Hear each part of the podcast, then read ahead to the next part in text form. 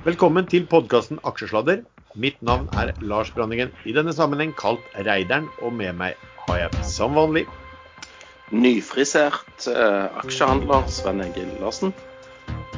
Og Jalla-kongen Erlend Henriksen. Og sistnevnte er jo eksperten vår på når det gjelder å komme med disclaimer. Få høre. Ikke hør på så veldig mye av det vi sier. Vi er totalt uansvarlige. Vi ringer råd dersom du hører på hva vi sier her om markedet, aksjer, enkeltaksjer og, og livet for øvrig. Er ansvaret helt og holdent ditt eget. Det kan forekomme feil, det vi sier i programmet. Panelet og panelets gjester kan være lang, kort, direkte eller indirekte eksponert i aksjer, selskaper og produkter som omtales. Very good. Skal vi kjøre på det vi eh, bruker å gjøre? Eh, vi kan ta en liten runde i forhold til hva man har gjort i uken som har gått av handler. Sven? Eh, jeg husker ikke så mye av det eh, nok en gang, men jeg husker at jeg kjøpte Pexip i går eh, på rundt 75. 75-76, og så solgte de rundt 80 i dag, for de kom med tallet i går kveld. Og de var litt bedre enn venta. Så det husker jeg at jeg gjorde. Bortsett fra det så treide jeg en del i går, fordi da var det litt volatilt. Og så lurer jeg på om det var litt volatilt dagen før òg. Så jeg har treida veldig mye småtrades i mange selskaper, og jeg husker ikke så veldig mye Jo, jeg har kjøpt en masse sånn null i, i går. Kjøpte jeg masse null. Så jeg kan fortelle litt om Nei, jeg vet da søren, jeg. Men jeg, jeg, føler at det må skje et eller annet der. For de kan ikke bare holde på på samme måten som de har durt på eh, fram til nå. Men vi kan snakke litt om den eh, i riggsegmentet vårt litt senere. Erlend, hva har du gjort i uken som gikk? Jeg har eh, tatt lærdom av at uh, kursene gjerne faller tilbake på gode nyheter. Så Penor, som uh, meldte bekreftet generalforsamling-vedtak på at de øker produksjonen med 60 Petronor, som det heter. De falt da tilbake etter den meldingen. Den var jo veldig forventet. og Ting tar litt tid, men jeg synes mye går i riktig vei i den, det selskapet, men allikevel så valgte jeg da å selge meg helt ut. Fordi det er sånn markedet funker i dag. Om å kjøpe på forventninger og selge på news. Og de dragene man hadde i fjor, langt, langt, langt langt opp, også for så vidt langt, langt ned, de, de, er ikke der akkurat nå. Men de kommer nok tilbake igjen. Men jeg skal inn igjen. Det er et fint selskap. Så har jeg begynt å plukke litt thin film igjen. Det kan vi snakke mer om etterpå. Og litt Nordic Mining. De har nå bekreftet at de kommer med oppdatering av pre-feasibility-studiet, dvs. Si definitiv feasibility-studie, på tirsdag på, på en presentasjon, Q1-presentasjon de har da. Vel, nei, I går prøvde jeg å trade US-aksje for første gang på lenge, lenge. Og det er denne uh, Coin, Coinbase. Uh, jeg har lært eller, gammel historikk at det er ikke gullgraverne som uh, tjente penger. Det var de som solgte gullgraverutstyret. Spader og hakker og Man kan jo kanskje legge til horer også. de tjente jo veldig godt. Men Coinbase har falt fra 380 IPO-kurs var det vel, til den gikk over 400 dollar. I går var nede og toucha 250 dollar. Og da lå jeg på kjøp på 249,7 dollar, og den slutta på 250, bundet ut på 250,05. Så det var en halv dollar.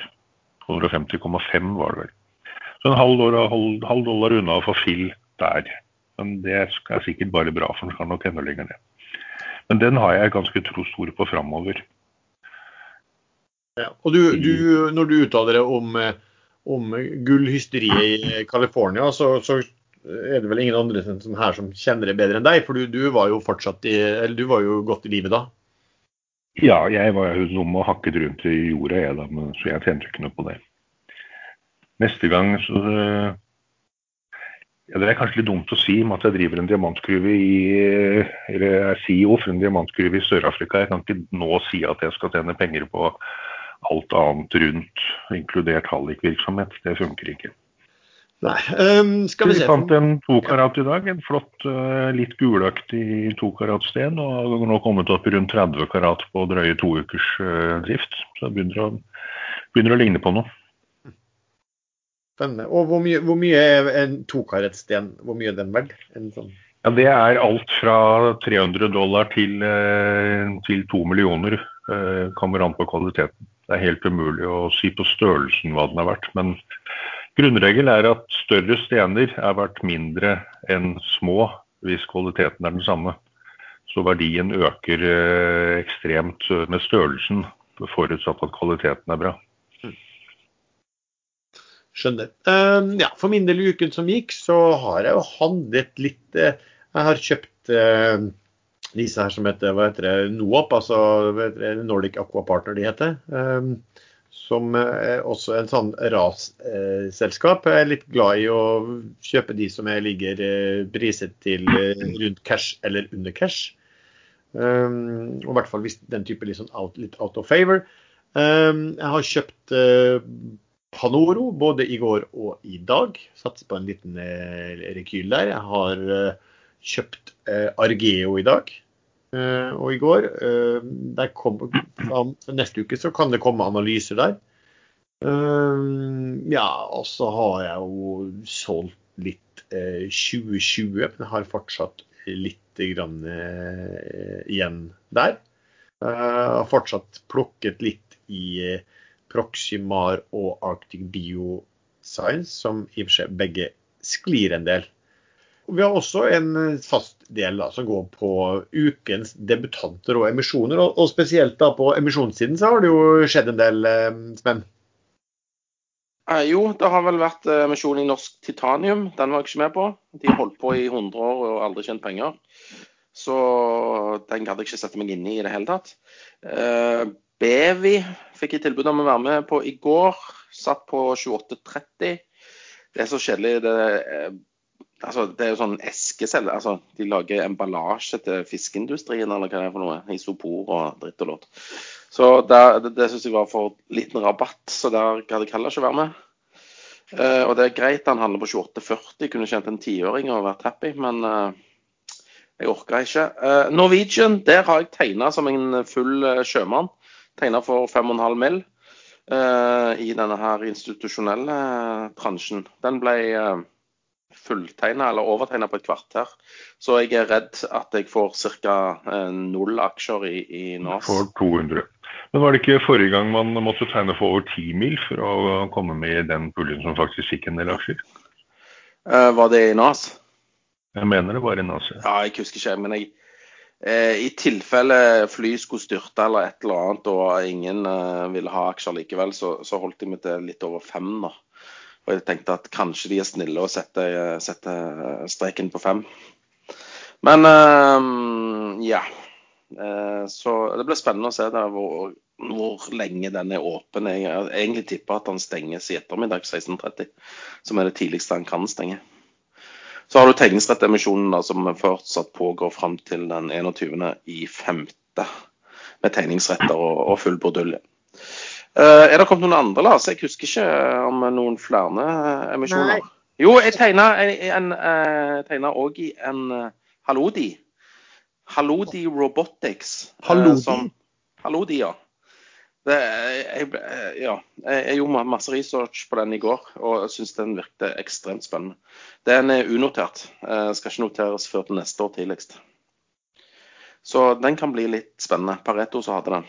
Det var òg en Smart Wires som de holder på med hos Pareto. Den var noe strømnett eller noe. Det, gadd jeg heller ikke sette meg inn i. Så den tegner jeg ikke. Skulle den på børs? Jeg gadd ikke å sette meg inn i det, heller. Her er det vel et norsk selskap som eh, fungerer veldig bra. Tibber eller Tinder eller hva det er for noe. Neppe Tinder. Tinder. Der får du, annen, der får du ikke strøm. eh, Det er andre connections du etablerer der. Aha, ok, nei, det forklarer litt. Men Du har lasta ned Tinder, og strømregningen er den samme, liksom? Til, eh, når, når, når vi går videre.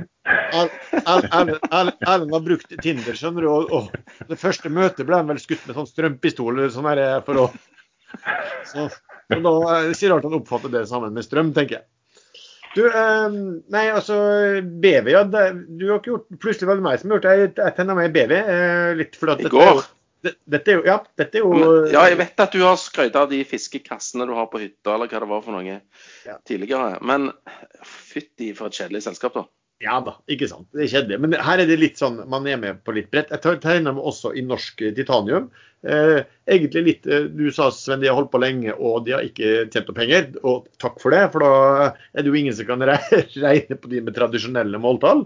Eh, og, så jeg tror fort at den kan bli ganske spennende. og Der var det jo eh, en del sånne Ferd tok vel ganske mye av den eh, emisjonen også, så den kan nok bli fort bli hyggelig. Tegna meg også i Norwegian Air, men eh, så ble jeg bare tegna meg for 2,5. Får sikkert ikke en eh, puck, og da skal vi, skal vi selvfølgelig skjelle ut alle tilretteleggerne kontinuerlig framover. Um, Huddlestock har meldt at de skal hente 50. De har ikke satt igangsatt den. De, de um, meldte jo opp om oppkjøp i går, skal hente 50, og 30 var vel da allerede, forsto jeg garantert, hvis jeg skjønte det riktig. Men jeg, jeg, i den NAS-emisjonen så skrev jeg at jeg har ikke aksjer, men jeg har en kone som jobber i, i NAS. da. Så at det måtte, jo telle skrev for, det måtte jo telle for en del. Du lå med liksom sånn lesebrev ved tegningen din, du. Ja, Jeg tror jeg særskilte, mistet særskilte, proffstatusen sin, faktisk. særskilte årsaker til tildeling. Kona jobber i, i selskapet, liksom. Jeg syns det var en god grunn, jeg. Men det eh, er såkalt innsidetrening, så da får du i hvert fall ikke noe. Det tenkte du ikke på. Nei, det tenkte jeg ikke på. diskvalifiseres på det. Tju- uh, men det, det, det vi også har vært, har jo da nevnte jo den nå, Bulkers 2020 Bulkers. De har jo også, de gjorde jo også et stort nedsalg. Der det var vel Trøym Trøim og co. som skulle bestille noen båter innenfor LNG og trengte penger og solgte seg ned der. og da lurer på om det var disse her Cock Brothers, ikke de heter? Som er Nei. Som Cock hadde Brothers, ja. Ja, er ikke det, er ikke det de heter, de her ganske store Jo, men ikke med CK, det er CH. Koch. Ja, det er riktig. Koch. Koch, vil du helst skal si det sånn. Koch, Brothers. Det var så, det var så skittent når du sa kokk. Ja. det blir fort det. Eh, Men jeg òg var med i den 2020 Bulkers nedsalget. Ja. På Jeg fikk 1000 aksjer på 103, Samme her. Ja. og de, og de røyk på 110. And it's gone. Ikke sant. Ja, ja. Ja, den var pen, den. Det var kjedelig, for det var jo bare 1000 aksjer. Men noen debutanter en uke her, det hadde ikke vært. Jeg kan ikke huske noen.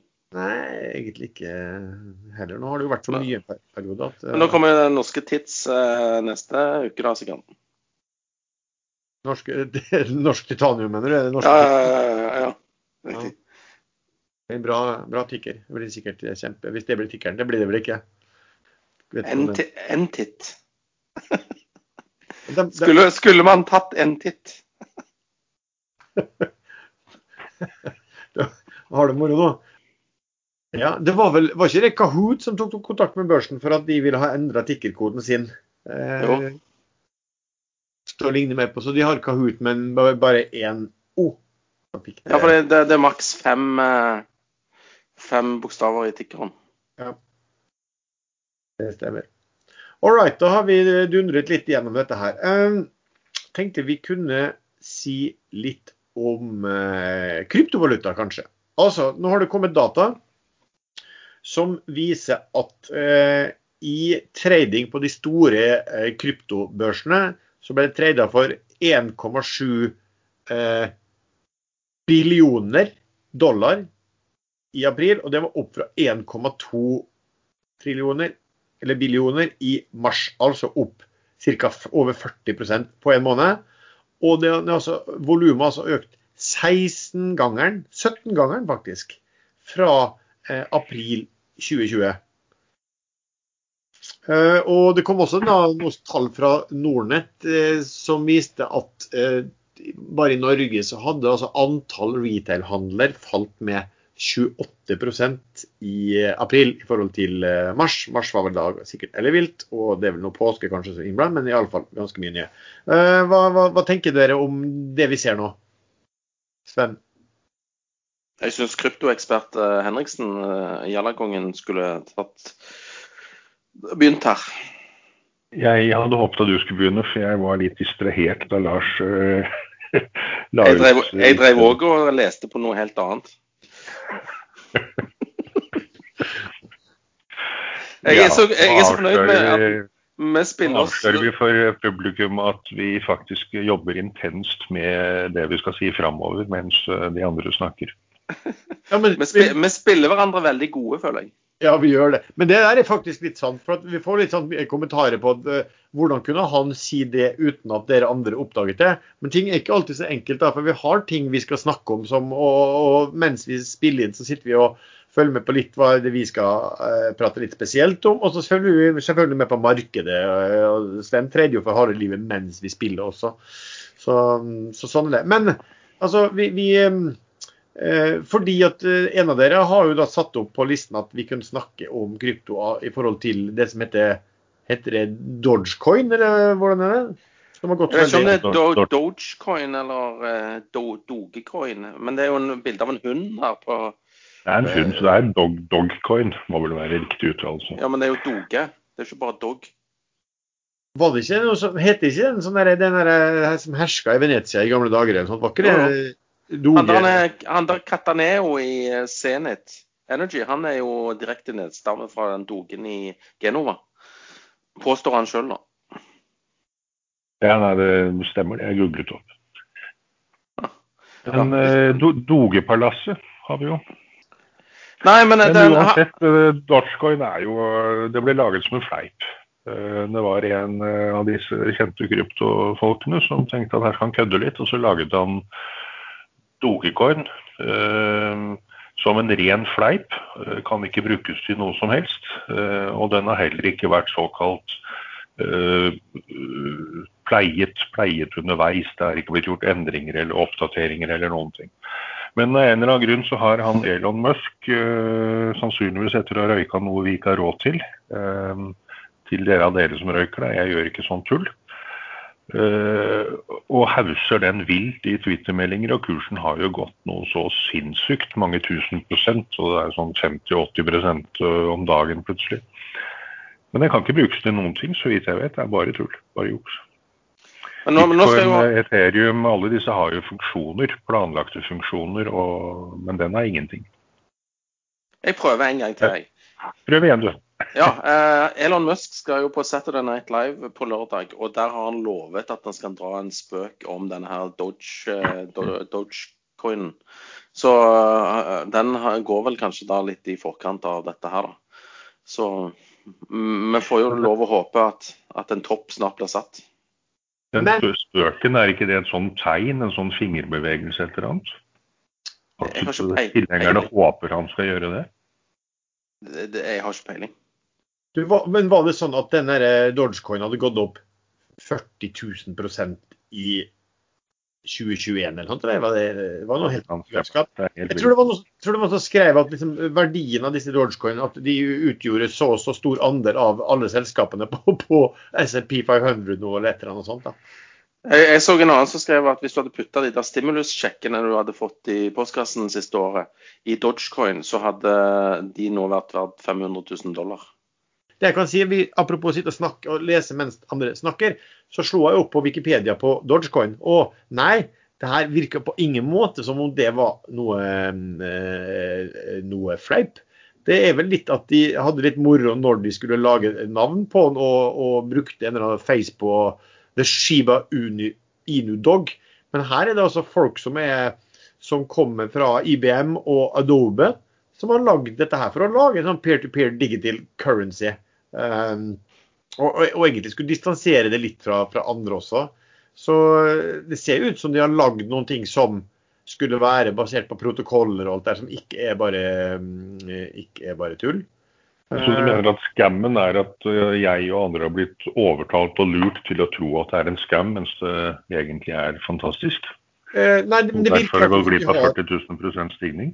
Ja, De er i hvert fall basert på også, det er vel noe knytta til noe eh, Ethereum og eh, bare sånn Det lille jeg kan se her, i hvert fall, er at de, de, de bruker, bruker type teknologi og, og, alt dette på litt, litt, litt, ulike, eh, litt ulike måter. Så, så, det virker jo ikke som det er eh, bare, bare tull eh, sånn sett.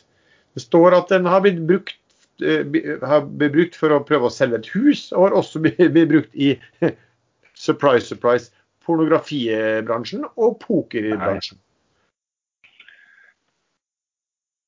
I 2017 husker jeg det kom en coin som het Spankcoin. Den skulle da brukes av eh, f.eks. strippere til å få lønnen sin eh, utbetalt på en fornuftig måte. Det var en god idé, men det var jo bare de som kjøpte den, fikk spank. Um, jeg tror det her også litt sånn, kan ha vært knytta til um, litt basert på Lightcoin blant annet, og så har gjort noen forbedringer på det også. Så ja. det- Alle vi er vel egentlig ikke sikre på noen som helst rundt krypto. Det kan eh, ta fullstendig av, og det kan bli totalt forbudt. Eh, men eh, at det er en asset som får mer og mer innpass hos også seriøse fond og banker osv. Uh, og store private investorer, det er jo ikke noe tvil om. Så at man kanskje kan trade det, men være veldig klar over at det har en ekstrem ukalkulerbar risiko i bunn. Eh, hva, men hva tenker du om det, da, Sven? Har du ikke noen tanke på det? Nei, det går an å trade det. Jeg har gjort det på et par anledninger. Og har tjent penger på det òg, så det, det går fint an, det. Men eh, jeg skal ikke begi meg inn på en sånn der eh, utredning om beskaffenheten til kryptovaluta versus eh, fiat-valuta og alt dette. Det er spekulasjonsobjekt, og det stiger og det faller, og det er mulig å gjøre penger. Men jeg kan nesten ingenting om teorien bak dette. her.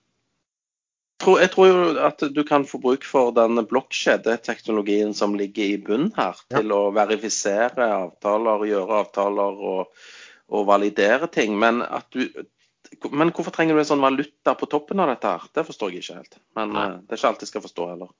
Uh, men en annen ting da, um, som du har fulgt med, bedre med på, Sven, det er jo at eh, Fed har jo vært da ute både med det ene og det andre i løpet av den uken som der. Kan du gi en liten sånn recap på hva som har skjedd? Den ene og den andre. Eh, Jeg husker bare at de kom med en sånn rapport i går. Eh, stabilitetsrapport. Eh, de gjør det en gang i halvåret. Greier ut om risikoen i markedet og hva som kan ødelegge og, og alt mulig sånn. Og, og nå har de funnet ut at, eh, at det er enkelte assets som kan ha blitt blåst opp eh, til eh, verdier som er i risiko for å falle hvis risikoappetitten skulle avta.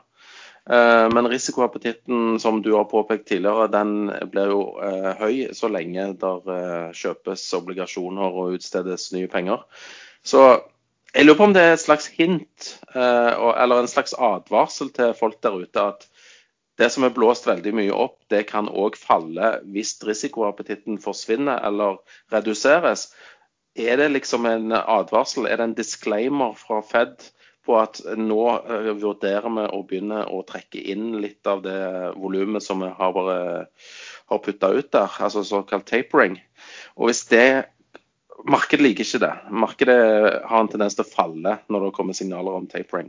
Så jeg lurer på om dette bare er en slags advarsel og en ha ryggen fri-melding fra Fed for å kunne sette i gang med denne her eh, taperingen. Jeg vet ikke hva, hva syns du, Lars?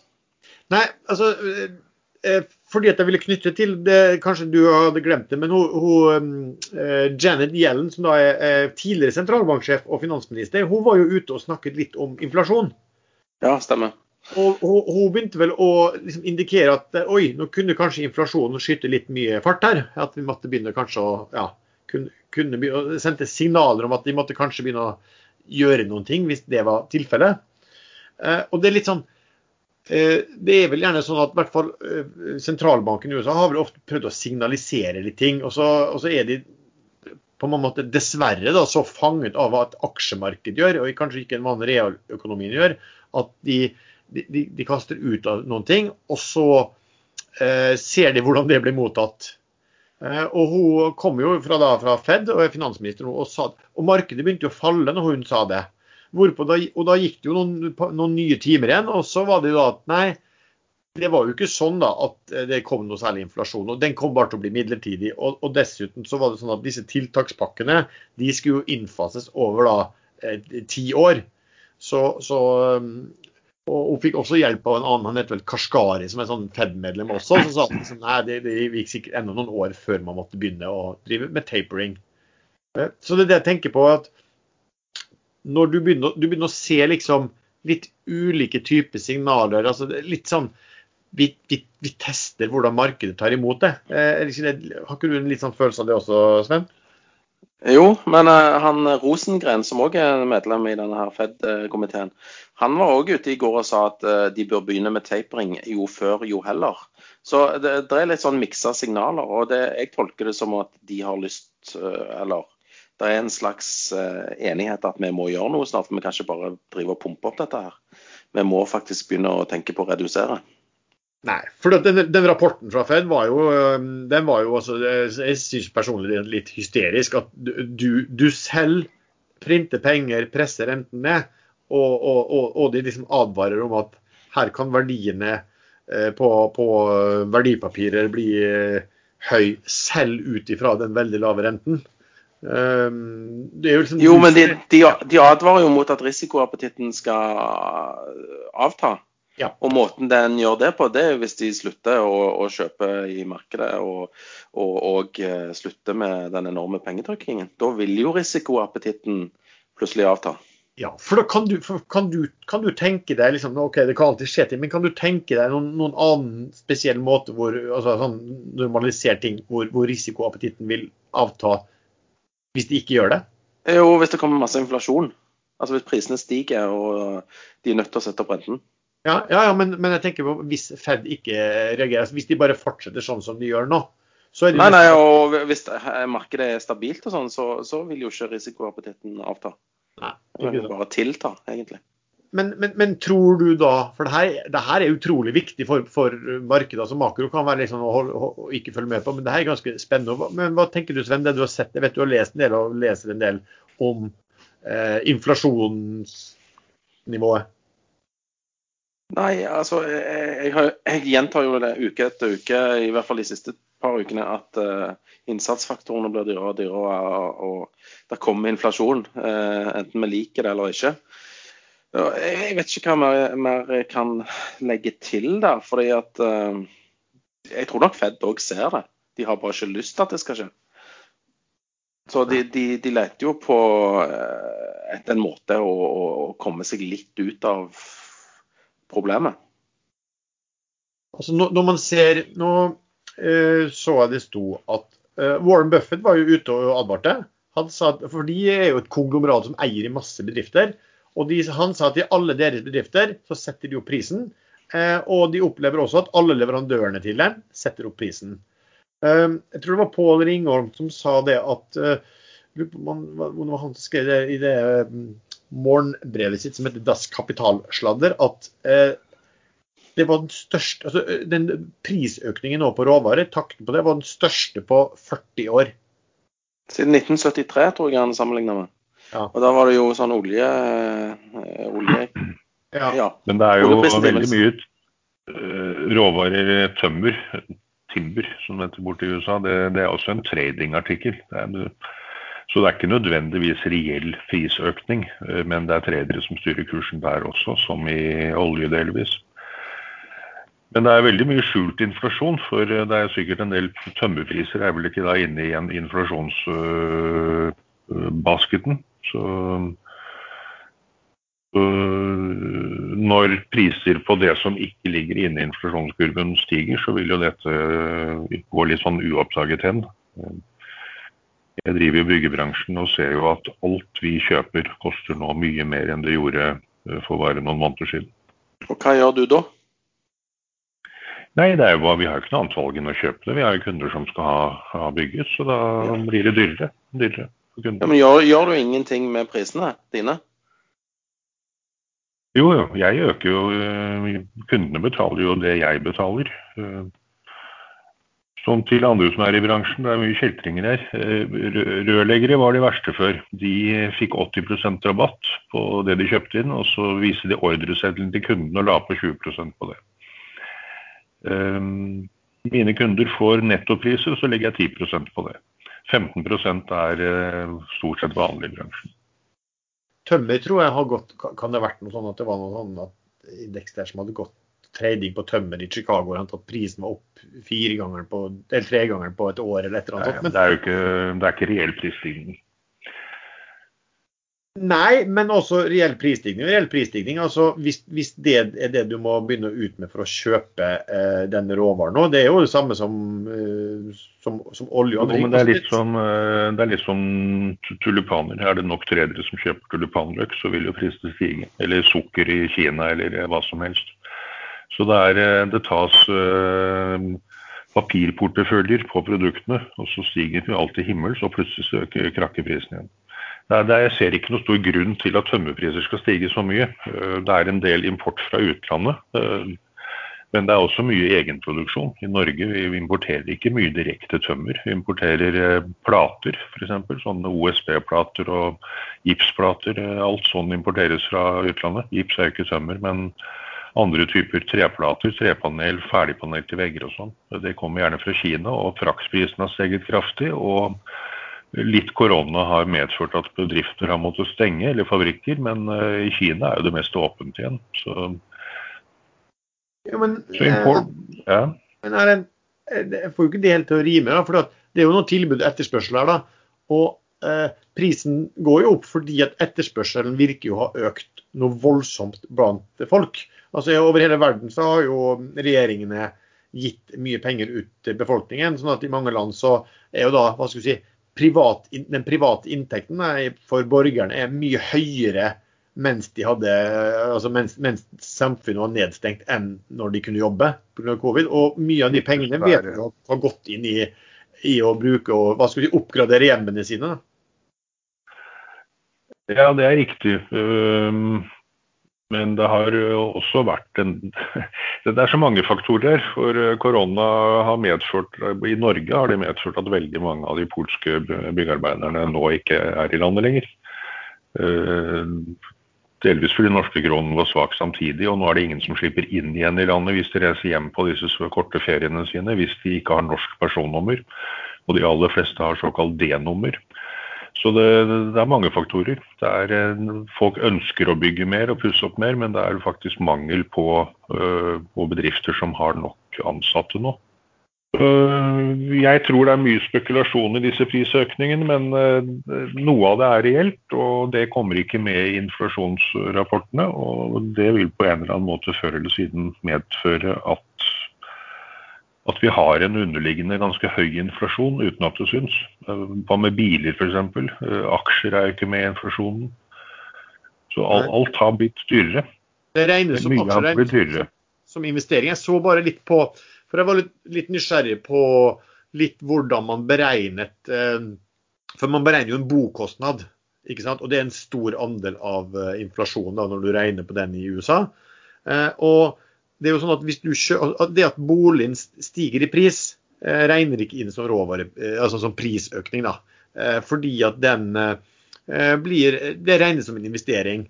Så det å kjøpe et sted, og, og, det er en investering. Selve det at du bor der, det er forbruket. Så det prøver de å regne ut da på en hvordan, her, hvordan den kostnaden utvikles. Jeg, jeg syns den advarselen fra Fed i går eh, uh, minner meg om den der uh, Irrational Exuberance-kommentaren uh, fra Alan Greenspan tilbake for 20 år siden.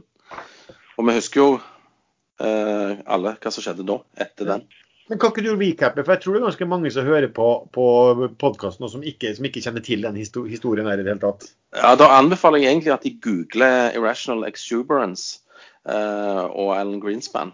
Fordi uh, Prisene på aksjer og verdipapirer var veldig høy. Sentralbanksjef eh, Greenspan gikk direkte ut og sa at uh, dette minner om uh, over uh, overoppheta uh, Nå vet ikke jeg irrational exuberance, hva det egentlig direkte oversatt betyr. Men han sa i hvert fall at prisene på verdipapirene er for høye. Vi kunne jo slått det opp, da, i og med at vi har sånn språkspalte her av og til. Ja, den, ja jeg, jeg, jeg, jeg, tipper Erlend har svaret på det vi alle lurer på. Internasjonell et- Irrasjonell overflod betyr det. OK. Det er den norske oversettelsen som Google eh, kommer med. Um, jeg syns for øvrig at det var stor tiltro til um, Erlend da, Sven, når du sendte ordet til han som han skulle definere i språkspalten. For sist gang så gikk vel ikke det sånn helt fantastisk, kanskje? Nei, Det falt faktisk litt i fisk. Men det, du, I denne uken har du jo lovet å forklare uttrykket 'på vikende front'. Eh, så jeg bare lurer på om Ja, Der kan vi ikke bruke Lars som eksempel, for han har jo ikke viker. De har trukket seg helt tilbake i, til nakkeskinnet. Og knapt nok der. Eh, Jeg er nok et bedre eksempel på, på vikende front. Ja, du tenker hårmarke du nå? Ja, nei, men jeg tror, vi- lar det bli med det. Kanskje det, flasker, kanskje det flasker seg hvis du kjører en språkspalte denne gangen. Ja, Vi snakket jo en del om flaskehalser i, eh, i forrige hva episode. det da, hva betyr det da Sven, når det, når noe flasker seg? Da går det i ball, tror jeg. Eller så ordner det seg. Jeg er litt usikker. Det går i ball, kan ikke jeg. Er det Jeg bare svarer med et annet uttrykk, så ingen er så sitter med her og jeg lurer på hva, Det betyr hva at det ordner seg. For da er det Ja. flasker seg. Ja. Men i og med at det er noe som heter flaskehals, så er det mange som tror at, at det ikke ordner seg. At det bråstopper der. Nei, flaskehals er at det blir smalere og ting flyter tregere. Ja, det er flaskehalsen, ja. Ja. At det flasker seg, da går det bra.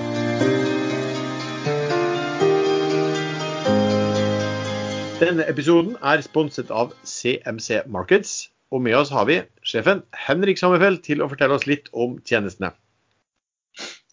Takk, Lars. Eh, som de siste gangene så vil jeg benytte anledningen eh, til, å, til å markedsføre våre populære webinarer her. Eh, neste torsdag har eh, Vakkas, som er leder for kundesiden oss, et webinar om valutahandel. Eh, webinaret handler om eh, hva valutahandel er, eh, hvordan man kommer i gang, viktige markedsdrivere i valutamarkedet etc. Det er bare å melde seg på via cmcmarkets.no under opplæring. Bakkas har hatt stort fokus på valutamarkedet i en årrekke nå. Siden vi snakker om valuta, tenkte jeg gå litt nærmere inn på hva vi tilbyr der. Man kan handle mer enn 300 valutapar hos oss. Alt fra de største kryssene som eurodollar og punddollar, eller cable som den kalles, til mindre valutaer, inkludert norske kroner, mot de, andre, mot de fleste andre valutaer. Eh, valuta kan handles tilnærmet hele døgnet, bortsett fra i helgene.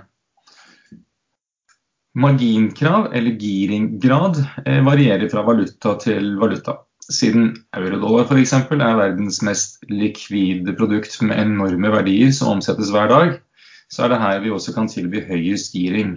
Mens mindre valutaer, som f.eks. norske kroner, der tilbyr vi ikke like høy giring.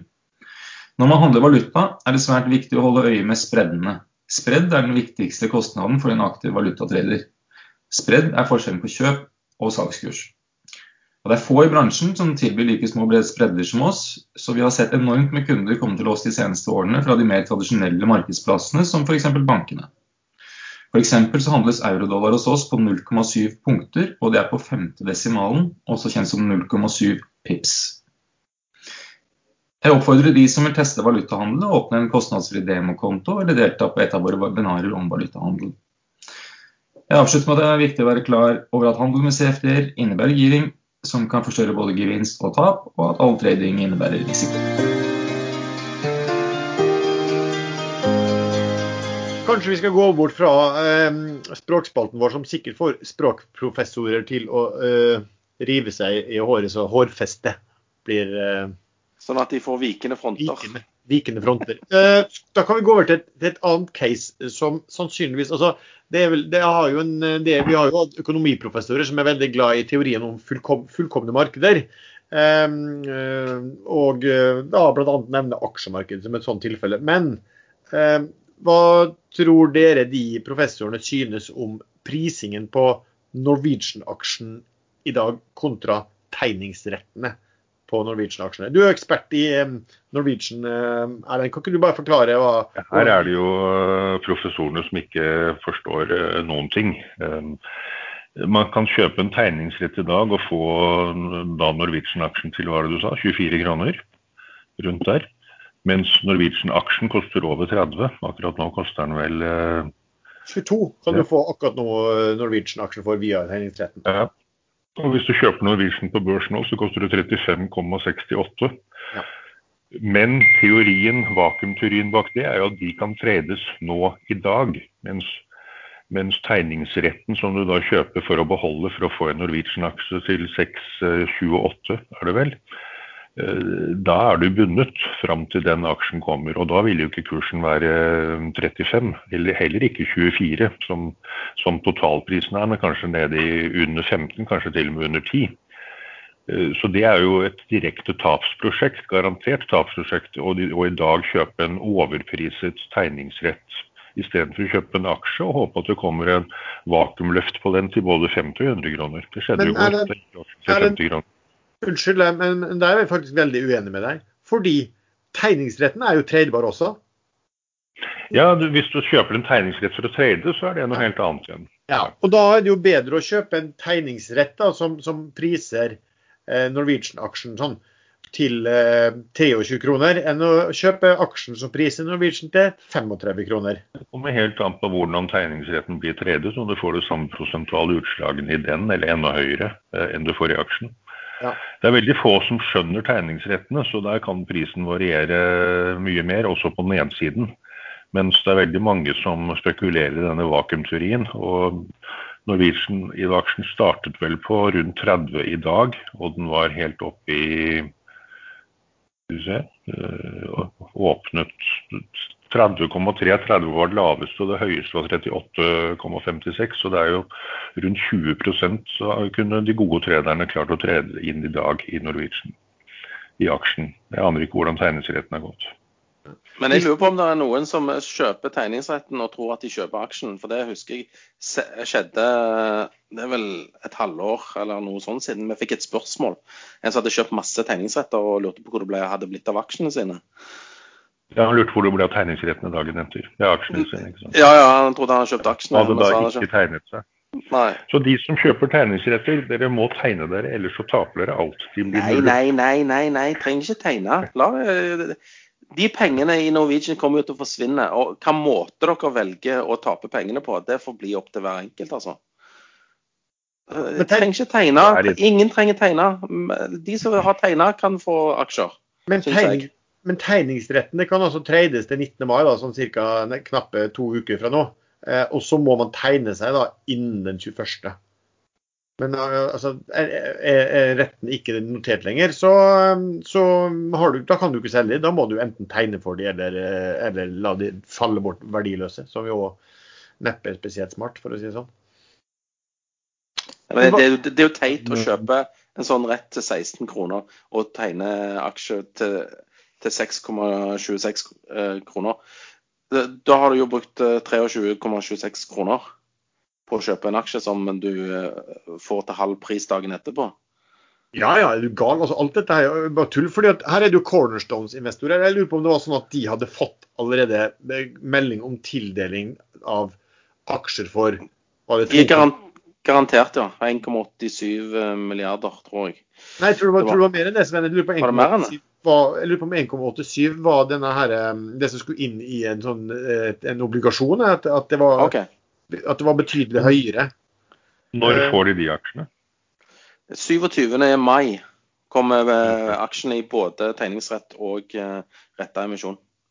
Altså, de kommer samtidig, ja. Det er jo, det er jo et framskritt. Vanligvis er jo den rettede emisjonen de får da noen dager før de stakkarene i den uh, rette emisjonen får.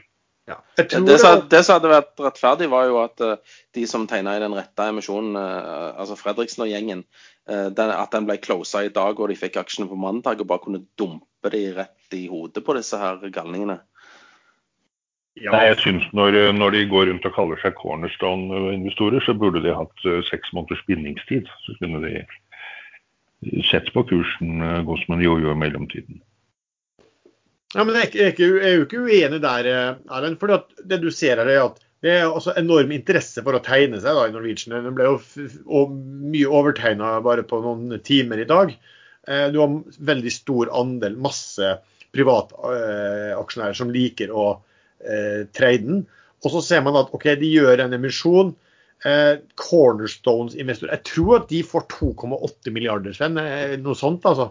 Eh, og de får altså aksjer til 6,26, mens eh, aksjonærene avspises vel med å tegne seg for 400 millioner, en sjettedel eller en sjuendedel eller hva det måtte være, eh, via tegningsretter.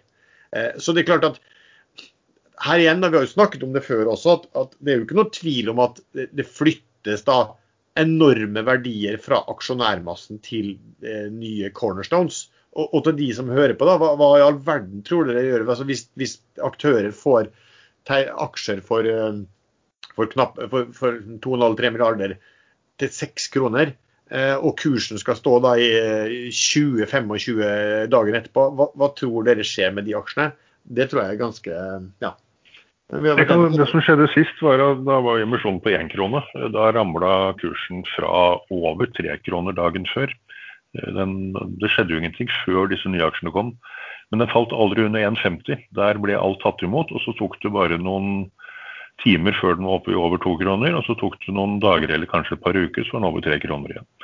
Så denne gangen vil jeg tro at eh, kursen kanskje går helt opp til 30 kroner igjen etter emisjonen. Jeg mener ikke at det ligger verdier for det i Norwegian, men eh, det er en ekstremt populær folkeaksje, og det er en del proffer som utnytter at det er det, og bare pumper kursen opp.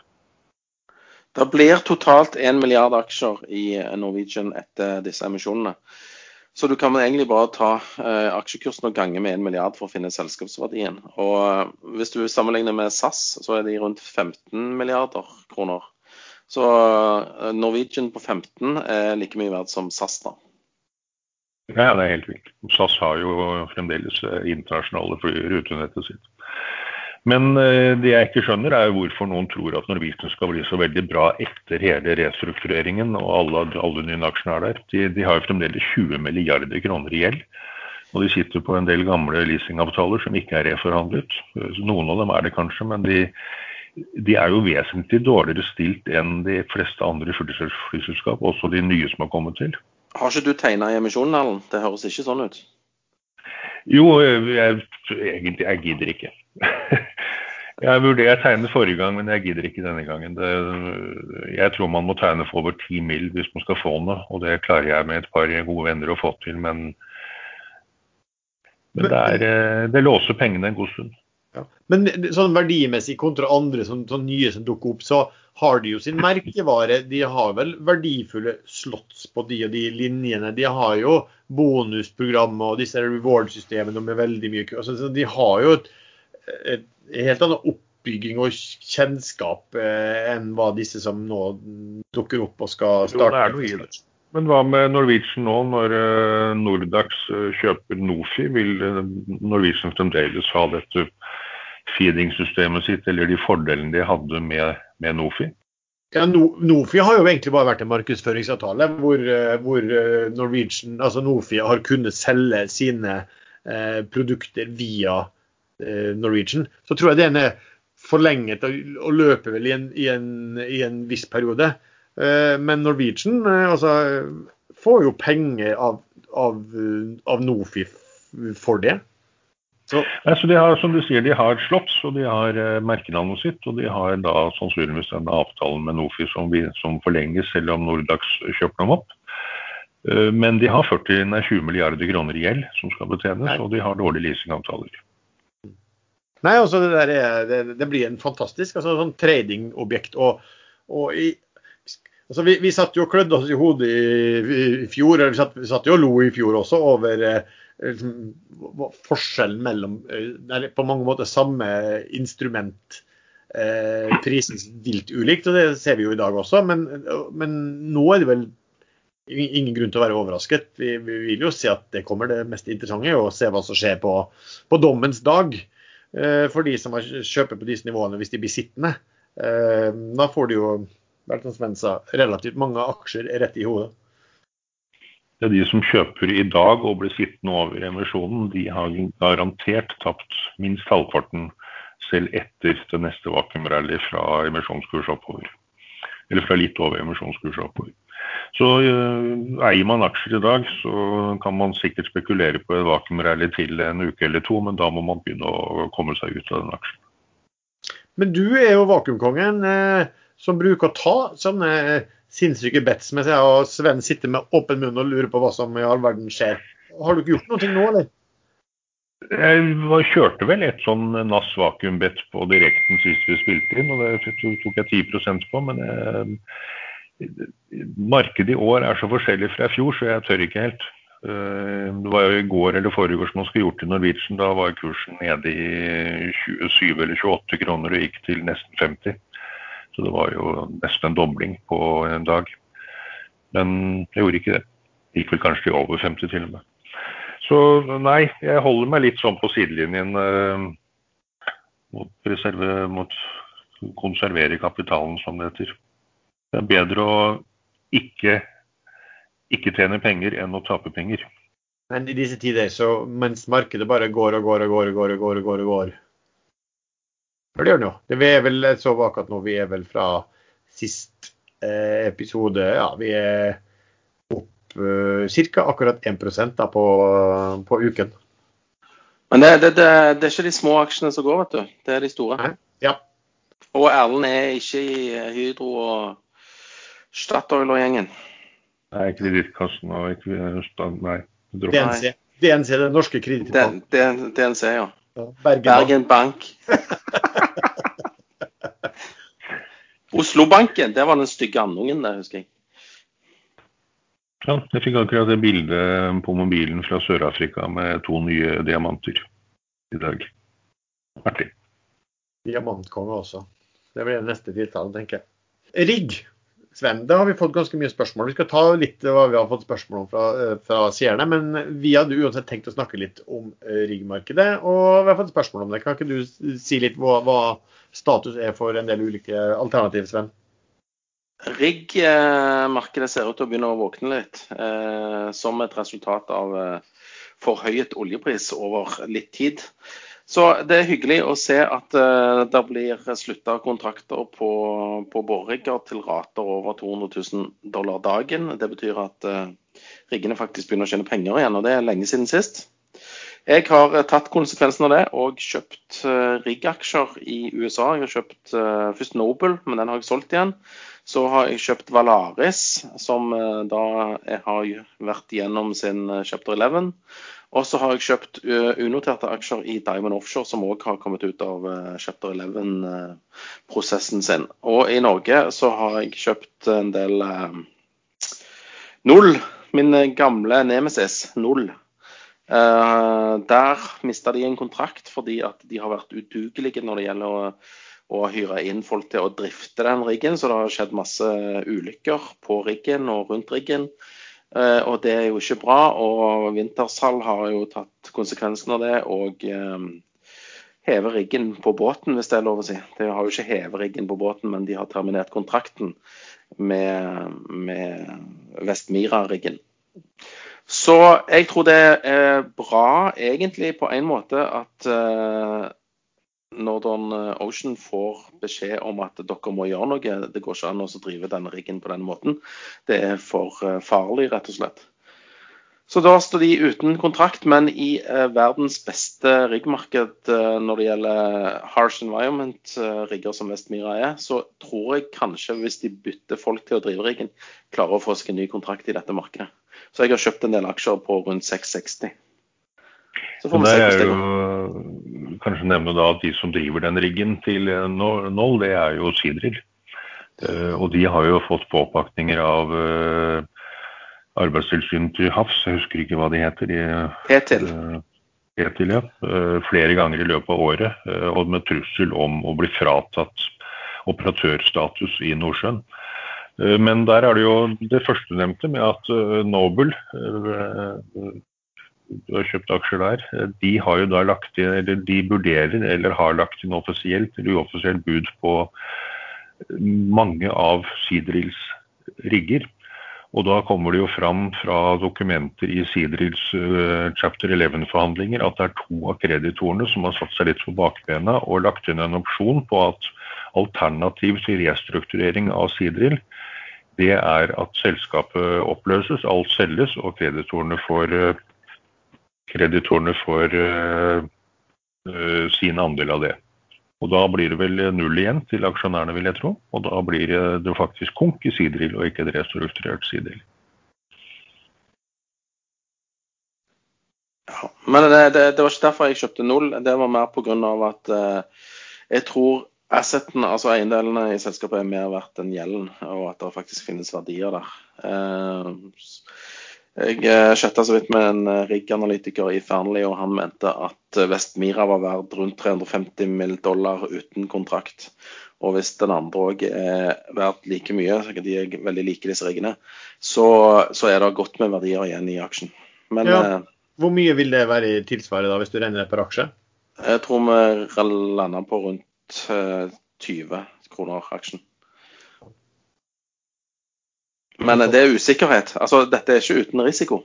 Nei, nei, nei. nei. Det har vi jo sett før på det. Men den, en annen som går, som, eller flere, det er jo flere som har vært interesse for. Så hvordan er den å sammenligne, eller kan den sammenlignes med, med, DVD, som vi har snakket om? Deep Value Driller også. Den er også snudd litt oppover, ned, oppover, oppover i Ja, eh, den virket jo veldig billig da når den gikk på børs. Men eh, det som sto med liten skrift, var jo at de måtte oppgradere riggen for jeg tror det var rundt 40-45 millioner dollar for å få den opera, operasjonell. Mm. Og da er det plutselig på 125, tror jeg eh, rigg-analytikerne sier den koster, eller er verdt. Eh, sånn at eh, de opererer i en, en litt annen eh, litt annen segment. De, er en vanlig rigg, liksom. De kan ikke drive i harsh environment-segmentet som Oddfjell og, og TransOcean og Null opererer i. Mm. Så verdien på disse um, harsh environment-riggene er mye høyere. Og de skal jo egentlig være det òg, for de er ganske mye bedre utstyrt. Ja, helt annen investering å ta også i, i ja. størrelse. Men eh, det har vel vært sånn at uh, DVD har vært sammenlignet med denne Vale, Valaris, eller Valeris, vet du, Valaris. Jo, men DVD har Jeg, jeg snakket jo varmt om DVD, fordi jeg trodde han kosta det han kosta, og ikke skulle ha disse her eh, oppgraderingene som måtte til. Uh, så da var han ikke så billig. Men uh, eh, hva var jeg skulle si, nå falt jeg litt ut igjen. de har én rigg i selskapet. Og da hvis den bare ligger der og uten kontakt, så brenner de jo en del penger. Uh, og jeg liker bedre de amerikanske selskapene som har en del rigger. Og det som holder på å skje, det er jo at det foregår konsolidering i, i dette markedet. Og det er òg venta at Diamond, som uh, har utstedt aksjer uh, og ikke har noe gjeld lenger, finner seg en av de andre større og slår seg sammen. Mm. Jeg tipper kanskje at det blir Noble der òg, liksom, som plukker opp Diamond. Men DVD-sjefen var jo ute og sa at eh, han, og det sier de kanskje alltid, at eh, de mente den riggen var helt sånn spesielt godt for noe spesielt godt hold. og at, eh, Men at de, de så markedet bedret seg nå, og at de hadde forespørsel da, fra andre aktører på riggen på samarbeid eller M&A. Altså de, de, dette er vel en gjeng som kan selge. altså Får de bra nok pris for den, så, så selger vi den, de den på dagen, tenker jeg. Jo, men det er masse drillskip der ute som er sånn syvende generasjons drillskip. Ja. Eh, og, og, og, du ser Nodel, den andre eh, fra Nodel-opplegget. Eh, de har jo gått fra to kontrakter på to, på to boreskip eh, i Asia, da. Og eh, ja eh, Jeg tror ikke det verftet har lyst til å sitte på de boreskipene, så det er alltid mulig å få tak i nye boreskip. Men Nodel-kursen har jo gått noe vanvittig. Fra, han har gått fra 6-7 kroner opp til han er vel i 15 nå, men han var vel en del høyere enn det for noen dager siden også. Eh, hvordan, hvordan, står den seg i forhold til Den var faktisk oppe i ja, 23 kroner i starten av uka. Over det. Eh, hvordan står, de, hvordan står de, de, prisene seg i forhold til de andre alternativene? Jeg forstår ikke den oppgangen i Nodel. Altså, de har litt cash, og så har de eh, to retts, altså, rettssaker mot verftet. Eh, der de prøver å få igjen eh, det de har betalt inn til verftet. Jeg tror ikke verftet har lyst til å gi dem så veldig mye penger, for å være helt ærlig. Verftet kan vel folk komme med motkrav òg, kan de ikke? Jo, jeg tror de har gjort det. Så ja, det, ja, ja, verftet har gjort det. Det er suppa. Det ender med arbitration, eh, altså eh, sånn rettssak, eh, som varer et par år. For, no, for, for det Nodel egentlig har, da, de har jo bestilt, eh, de har bestilt to rigger, vel. Og så har det vist seg at de riggene altså nå, De hadde jo ikke penger. da, de, når de bestilte det, så regna de med at de skulle ordne finansiering, og så smalt dette markedet. og så har de ikke penger til å betale for de riggene lenger. Det er vel riktig å si. Pluss at de riggene da var jo bestilt til en ny pris, eh, og den prisen er jo særdeles mye lavere i dagens marked. Men så, så krangler de da med verftet og, opphever å si at det var verftet sin skyld, og at eh, det, jeg lurer på om de skulle kjøpe noe, noe de skulle kjøpe en eller annen en av de riggene var påbygd for noen andre som de kjøpte seg. Det var mye rart i hvert fall. Så det er, helt, det er, det er jo en suppe da, som, der man egentlig.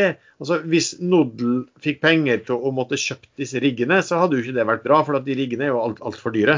Så de håper vel på at enten at de kan eh, ri på dette markedet og bare få utsatt alt og håpe at markedet vender seg opp igjen, eller at det finnes noe grunnlag for å, å heve selve bestillingen og forlange pengene tilbake. Er det ikke det som er status der? Vel. Jo, ganske bra oppsummert. Men uh, det var jo en popstjerne i aksjeverdenen da som uh, tok tak i denne her og sa han uh, skulle ri den til 200 kroner eller whatever. Så vi får se. Men riggmarkedet er i hvert fall da, i takt med at oljeprisen har begynt å bevege seg, eller har beveget seg? Det er på bedringens vei. Og det har vært, blitt skrapa en god del rigger. I og med at Men de må gjøre det i, i chapter 11-prosessene. For ellers så klarer de ikke det. Eh, sånn så det er mye vanskeligere å, å gjøre det når, som et clean selskap. Det er mye bedre å gjøre det når du eh, faktisk holder på med storrengjøringer. Ja, for det, men det du ser i hvert fall er at du, du ser også konsolideringer som er bra for det markedet. Og så er det vel man kan vel ikke tenke meg at det finnes muligheter innenfor uh, noe spesielt område. I hvert fall at, at noen bestiller nybygg der er vel uh, nesten utenkelig, eller hva? Hvis ikke de nybyggingsprisene skulle falle dramatisk? av en grunn. Nei, det, det, det, verftene har ikke blitt kvitt de de, de de, begynte på i 2014 ennå, vet du. Så det eh, Du får tak i nye, altså nye anførselstegn rigger, eh, og du får dem til en rimelig penge. Ja. Så nei, jeg tror ikke det blir noe eh, nybyggingsaktivitet av oljerigger med det første. og Det spørs jo hvor lenge vi skal drive og holde på å bore etter olje òg, da. Med disse miljøforkjemperne som eh, bestemmer både det ene og det andre. Ja, så caset blir kanskje å bare da sitte og regne litt rundt og, og, og, og vippe seg fra den, den, den, den, som er billigst i det ene øyeblikket, til den som er billigst i neste øyeblikk? Riktig. Ja, men, du, du kan f.eks. kjøpe aksjene i Valaris nå. Der sitter bankene med altså De som hadde banklånene, de fikk tildelt ca. 28% av aksjene eh, etter chapter 11. Og de er jo ikke interessert i å sitte med rigg-aksjer.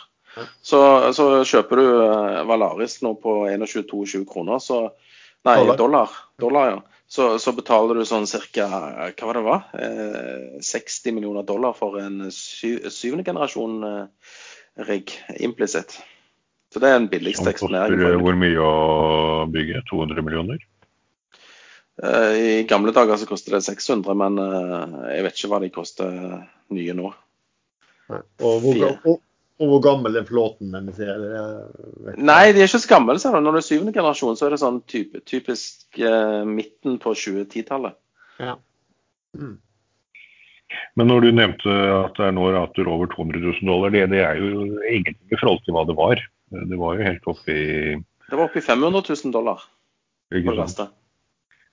Og Nå er det jo en del alle... gjeld som er bygget bort, og kostnadene til disse riggselskapene har da blitt lavere, og de får kjøpt riggene billigere. Så da, de, trenger jo ikke da, de trenger ikke 500 000 dollar dagsrater i dag for å tjene penger. som de Nei, gjorde Når du, når du ikke har gjeld lenger, så slipper du jo finanskostnadene i veldig stor grad.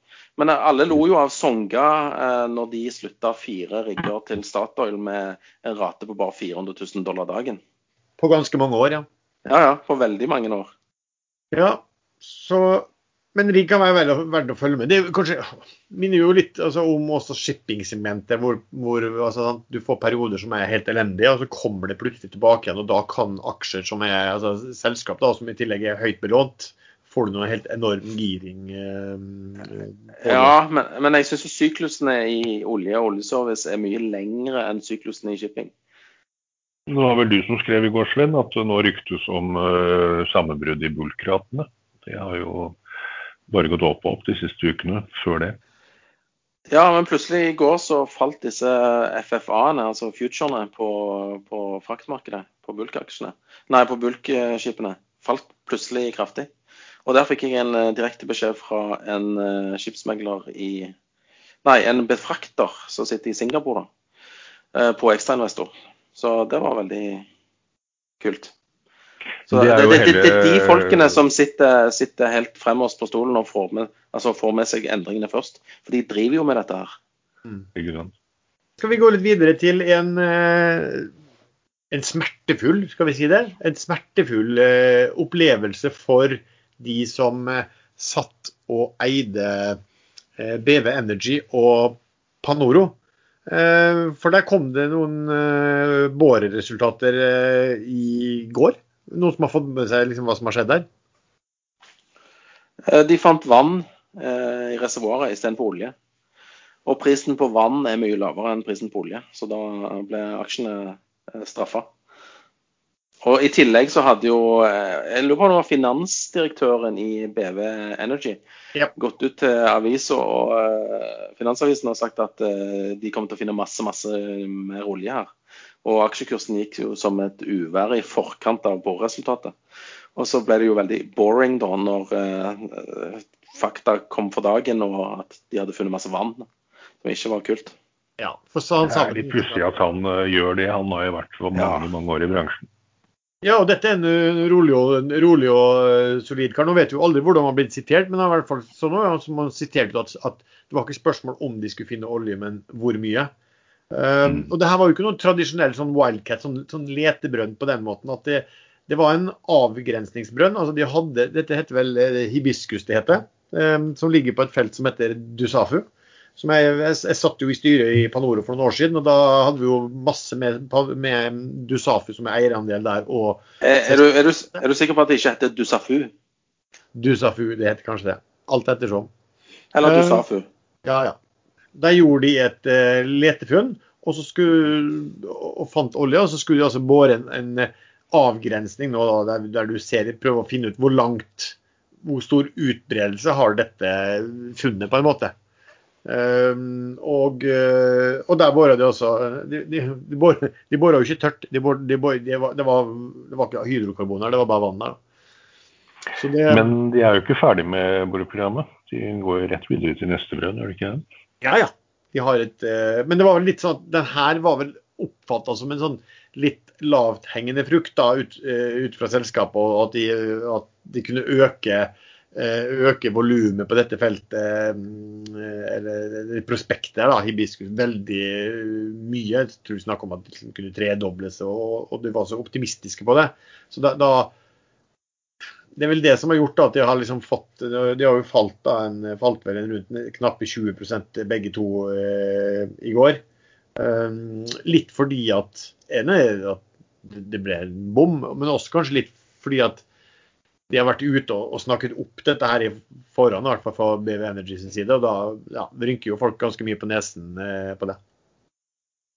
Ja, for vanlig er jo det er veldig mange som ikke tør å spekulere i om du blir treff eller ikke, så man selger seg gjerne ut og ned før resultatet kommer. Mange gjør det. Men med den avisartikkelen eh, om hvor Det var ikke snakk om om de fant olje, men hvor mye de fant. Da, da var det nok veldig mange som, som ble satt på feil bein der. igjen. Ja, det gjør det. Det er litt, litt rart. altså som, som når jeg satt da i Panoro, så fikk vi jo da inn eh, seks seismikkresultater som var tolket. og det er jo sånn at du, du har flere partnere. Den gangen var det bare to partnere. nå er det jo det det, det som er interessant å se, da har du liksom ditt team. Er, alle selskapene har egne team da, som vurderer seismikken. Og det som var fascinerende husker jeg, denne gangen, var jo at eh, når jeg så hva, hva det, andre teamet, det andre selskapet, de hadde tolket seismikken til, så var jo det ganske annerledes. Um, Så for å si sånn mildt, da, dette er ikke noe nøyaktig kunnskap å tolke seismikk. altså Det er litt sånn ideer og forutsetninger og alt det der. Og plutselig så har du noe at den ene parten sier at vi tror det er et kjempeprospekt der. Og så sier den andre, det andre selskapet som er partner at vi ser ikke det i det hele tatt. Eh, og etter det så har jeg skjønt at det å være veldig skråsikker på, på, på båreresultater, det, ja, det, det skal man være, være forsiktig med. Det var Eh, nesten synd at han eh, sikkert hadde hjemmekontor den dagen. For det hadde vært eh, sånn eh, walk of shame på han bort gjennom gangen hvis eh, han hadde vært på kontoret. Det var nok noen som hadde fortalt han det han sa også, så det var nok mange som hadde en walk of shame den dagen. Jo, men de de gikk ikke til avisen. Nei, sant? Han har jo fått hørt det selvfølgelig fra noen internt at de har en voldsom optimisme på det. Eh, Det er det ikke noe tvil om. Eh, Men eh, ja, det, da har man jo lært det, og det er vel en del da investorer som har lært litt i forhold til risikoen ved å sitte over, over båringen også, uansett hva, hva selskapet måtte si. Du, En annen ting som kanskje da svir litt, men det er vel noe som i hvert fall i forrige program svei for deg, eh, Sven. Det er jo eh, Q-fly. Vi må snakke om den også. eh, for de Nei, den vil vi ikke ikke snakke om. så fikk da Sven tilbud mens han sto i butikken om å være med og kjøpe en blokk på 650, og hadde ikke tid til det, og irriterte seg over at den kursen da gikk jo langt opp på sjutallet mens vi spilte inn. Men så skjedde det jo noe nytt igjen Sven. Hva var det som har skjedd? Jo, men én ting skal du vite, Lars, er at hvis jeg hadde stått på butikken og sagt ja til å bli med, la oss si på 100 000 eh, Q-fri på 6,5, eh, så hadde jo jeg, når jeg kom tilbake på eh, hjemmekontoret og står i 87, så hadde jo jeg hamra de aksjene ut eh, fortere enn eh, faen. Og det hadde jo blitt enda surere enn å ikke være med i det hele tatt. Og så kommer det et sånn tullebud på 14,40. Så jeg er egentlig veldig fornøyd med at jeg sa nei da på 6,50. Men, hva, Men det kom, det, kom, det kom et bud fra en amerikansk aktør hvis navn er ukjent, om at de hadde tatt kontakt med selskapet, altså eh, og der de tilbød seg til å kjøpe selskapet for 14,4 kroner NOK equivalent eh, i en blanding av 60% aksjer i det amerikanske selskapet og 40% cash, hvorpå største eier i Borr og Sønn eh, takket høflig nei. Og det var det som ble med det budet. Så det, var, det ble aldri et bud, det var bare en indikasjon på et bud, og det ble avslått. Og eh, vi vet ikke hvem som kom med det budet. Men det fikk i hvert fall opp aksjekursen ganske kraftig. Ja, for den gikk jo opp. Jeg vet ikke hvor mye den altså Spørsmålet her er jo da Når noen byr eh, 60% oppgjør i egne aksjer, så er jo alltid spørsmålet hva, hva er de aksjene eh, reelt verdt? Men Nei, hvis det hadde vært sånne Apple-aksjer eller sånne skikkelig bra aksjer, så hadde det jo ikke vært noe problem. Det er jo nesten samme som cash. Men vi vet jo ikke hvem tilbud, altså, vi vet jo ikke hvem som kommer med budet. Så den var oppe i 11,80 da, på, eh, på eh, ja, i tidligere uken eh, etter de nyhetene der. Og så har den falt tilbake og er på 9,70 nå. Den ble avslått så raskt av, av de som er største eier der, som er Riber, at jeg mis, man, man kan jo mistenke at disse At det var skyfart? Ja, at disse, disse 60% av aksjene at de, de hadde en litt mer tvilsom verdi, da, kanskje vi skal si det sånn. Ja, ikke vet jeg. Men eh, det er jo kjekt at det skjedde noe rundt selskapet. Det er en stund siden sist. Eh, En annen liten ting vi kan eh, snakke bare kort om, er i dag så sto det mm, at Øystein Spetalen hadde vært gått inn i Nell igjen, og dermed så dundrer Nella falt, falt, falt mye tilbake de siste dager. Så kan det være andre grunner også på, på en rekyl, men oppover 5% men, men, men trenger det å bety at han har kjøpt aksjene, Sven? Jeg tror Øystein eh, Spetalen er blitt veldig bull på Nell igjen, etter at han har falt fra 30 ned til, til 18. Eh, han solgte vel den på 3, eller noe sånt, eh, for lenge siden. Men han sa jo da at den, han trodde den kom til å gå til uendelig. At det var Oppsiden var uendelig. Men eh, nei, eh, nå tuller jeg igjen og roter meg ut på et eh, blindspor. Eh, selvfølgelig tror jeg ikke at han har gått long nell. Jeg tror han har lånt inn aksjer med det formålet å shorte den aksjen sønder og sammen. Ja. Hvor mye er det snakk om? Jeg har ikke peiling. Hvor mange aksjer? Jeg, jeg har bare lest overskriftene. Og eh, Lars burde ha, ha antallet klart, men eh, jeg vet ikke om han har det. Hvis, hvis, eh, hvis han har dukket opp der, så er det jo sånn at da har han vel eh, kan man, Hvor er det man kan se det der? Jeg kan vel bare gå inn og sjekke det nå. Ja, ja, ja. ja. Skal vi se. Uh, hvilket selskap var han inne med? Nei, er det ikke Tycoon han bruker å være inne med da? Men Jo, Tycoon, ja. Der var han. Fire millioner aksjer. Eh, er han ny på 40.-plass på listen. Tycoon Industrier. Men hør, hvis han var det, og det vises i dag, så skjedde dette på tirsdag. Ikke sant? Ja, må da falle kursen en del. Men fire millioner aksjer er jo ikke all verden i Nell. Da. Det er jo en kvarters omsetning. Da. Sant det. Kan jo Men, men, Men det- eh, ja. Vi får se på mandag, da, hvis han er fortsatt på listen. Eh, da har han ikke Men det er klart, det er klart det er, for han så er det jo eh, smart å gå inn med Tycoon. Det er det mest kjente selskapet hans. Da ser veldig mange aksjonærer oi, Spetalen er, eh, har kjøpt Nell og tror at han skal kjøpe mer. Eh, og det kan han da bruke til å dumpe disse aksjene han da har lånt inn, dvs. Si short-aksjen. Så det er jo veldig lett å tjene penger når man har mye penger og har et kjent navn og kan alle triksene. Men, men liksom poenget står seg vel litt, da, som, som Sven nevnte, at det at folk eh, dukker opp på aksjonærlisten, trenger faktisk ikke bety at de har gode hensikter i så måte at de har tro på selskapet. Det er sånn at du, Hvis du skal shorte noe, så du da, eh, må du sikre dekning på. så Da må du låne inn de aksjene. og I det øyeblikket du har lånt inn de aksjene, så, står, så, så, så vises du da som en aksjonæreier i, i, i, i eh, aksjonæroversikten. Eh, Og så kan det altså være at de aksjene du har lånt inn, at du bang, har tenkt å bare selge de ut i markedet. Det vil si at du, du da har gått short. Så, det, så det, det vet vi ikke. Skal vi se, vi har fått en god del spørsmål fra, eh, fra eh, lyttere. Jeg har fått mye om rigg, og det har vi jo vært eh, innom, så det er eh, bra. Sven, eh, spørsmål om til deg. Eh, Du snakka om eh, Magnor en gang, at du ville ikke handle den før den falt, falt ned mot det som var din emisjonskurs. Eh, Og det er vel, det er vel en som skriver at den begynner å nærme seg det. Er du, eh, er du da klar for å handle den, eller er du eh, redd for nedgangen innen grønt for tiden og har ingen interesse? Eh, I og med at euforien i eh, grønne aksjer har forsvunnet litt, så, så er ikke jeg så veldig ivrig på å eie disse grønne selskapene langsiktig. Eh, men jeg treide de, og det kommer jeg fortsatt til å gjøre. Så hvis Magnora faller ned til 20 blank, så kommer jeg sikkert til å kjøpe den, og så selger jeg den igjen på 21 eller 22 eller whatever. Jeg har gjort det samme i denne denne H2O i USA. Jeg kjøpte i går på 10,70.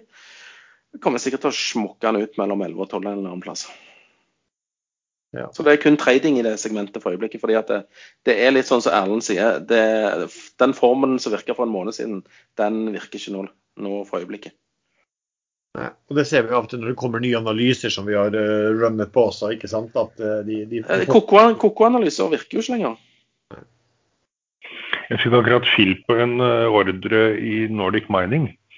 Det er sånn man legger inn en Ligger og bunnfisker litt, så tenker man at man er veldig smart som legger den litt langt nede. Og så plutselig får man fill, og så tenker jeg Var det den som var dumpet ned til min kurs, hvor jeg trodde jeg var smart, som var smart, og jeg var den dumme? Så nå er det sånn gått fra håper jeg får fill, til å lure på om det kanskje var en tabbe. Men, men. Du, du er litt for filosofisk i aksjemarkedet, føler jeg. Nå fikk jeg akkurat fyll på Tvinn-ordren min nå, hvor jeg var like smart til å la meg langt ned. Og nå føler du at Finn, alle er imot deg, ikke sant? Ja. Men kanskje, kanskje det er nå det snur. Kanskje det snur til uka. Går det rett opp. Har du hatt en litt uh, tung periode, eller, eller hva er det? Ja, i år har det vært mye vanskeligere, men jeg, jeg lå 30 pluss ganske tidlig i år, og det forsvant igjen. Ok, ja nei, det går litt opp og ned.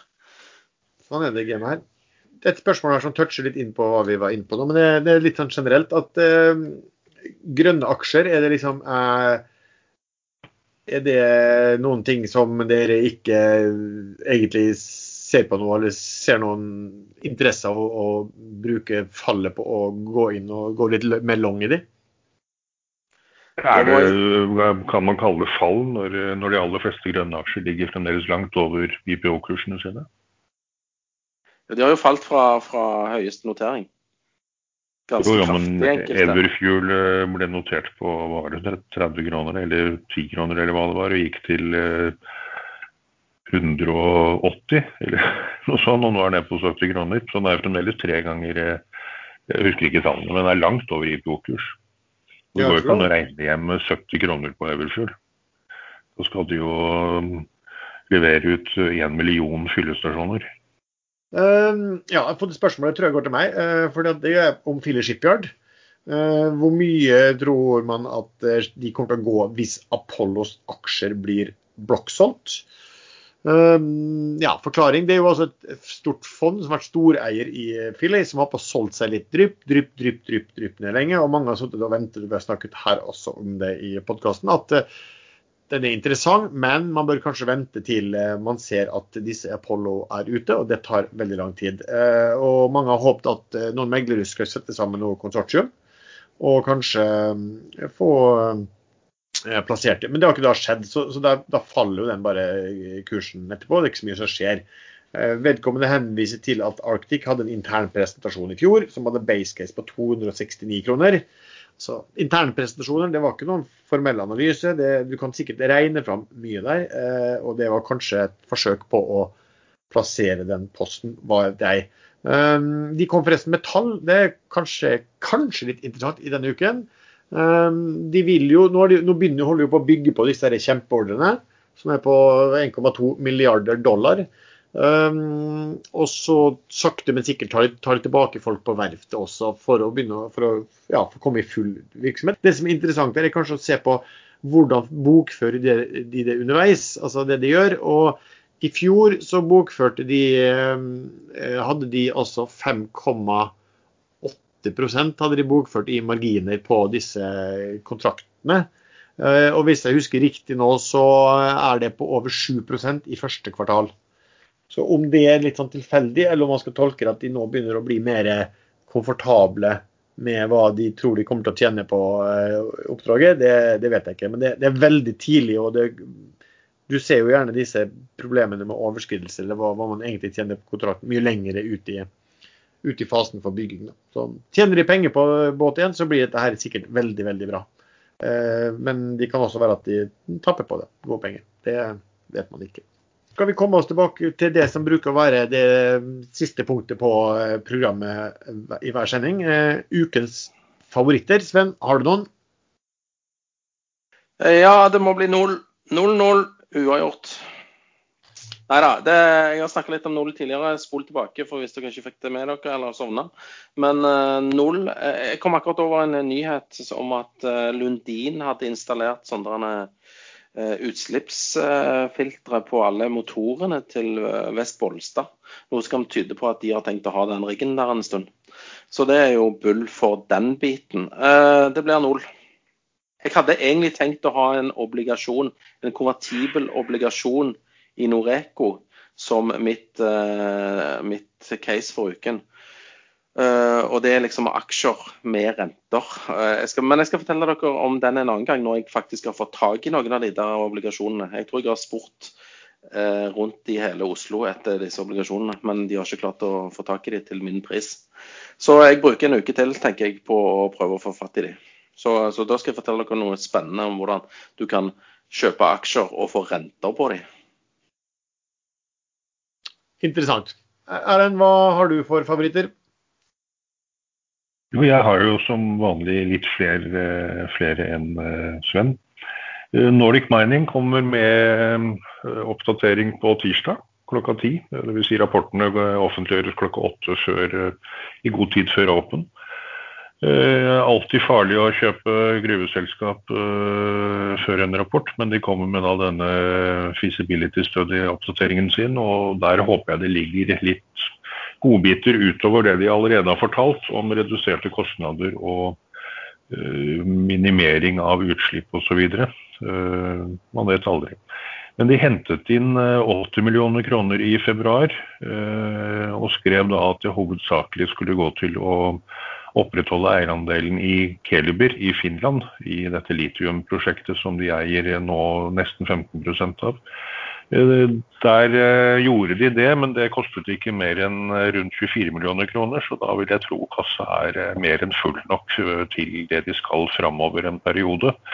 Så jeg tviler på at det er noe stor emisjonsfare i Nordic Mining. Det som er målet med en sånn feasibility study, det er en sånn definitiv feasibility study, som det heter. Det er å kunne hente inn finansiering og partnere. Partnere og banker kan bruke dette som et dokument som er godkjent i bransjen som godt nok grunnlag for å låne dem penger eller gå inn som partnere. Og der er det mange muligheter. Jeg mener jeg nevnte før f.eks. Caterpillar, utstyrsleverandør, kan gå inn og finansiere store deler av utbyggingen, mot at Nordic Mining etter hvert kjøper maskinell, maskiner, utstyr, gravemaskiner, alt de trenger fra dem. Kineserne er veldig hyppe, hyppe, hyppe på råvarer. De er en, alltid en aktuell partner i en sånn situasjon, men Nordic Mining har også allerede laget en offtake-avtale med et japansk selskap, så, så her kan mye skje framover. Kursen ligger nå på pluss-minus 2,50, og det er det de hentet inn penger på i februar, så jeg tror dette er relativt god risk-reward. Men det er gruvebransjen, og markedet er litt rart i år, så man må vente og se hvordan det utvikler seg. Så har jeg da kjøpt tilbake sin film. Den gikk veldig godt sist jeg var inne, fra 040-tallet opp til over Den var vel oppe i over 090. Jeg solgte alt ut sånn litt over 080, har nå kjøpt tilbake på 074,50 i dag. Og litt mer for et par dager siden på litt høyere kurs. De har jo annonsert at de allerede i kvartal tre, som begynner 1.7, skal begynne å produsere disse mikrobatteriene sine. De annonserte nylig at de hadde fullført noen milepæler, sånn at de nå kan gå inn i direkte forhandlinger med kundene, som da kommer med sine spesifikasjoner.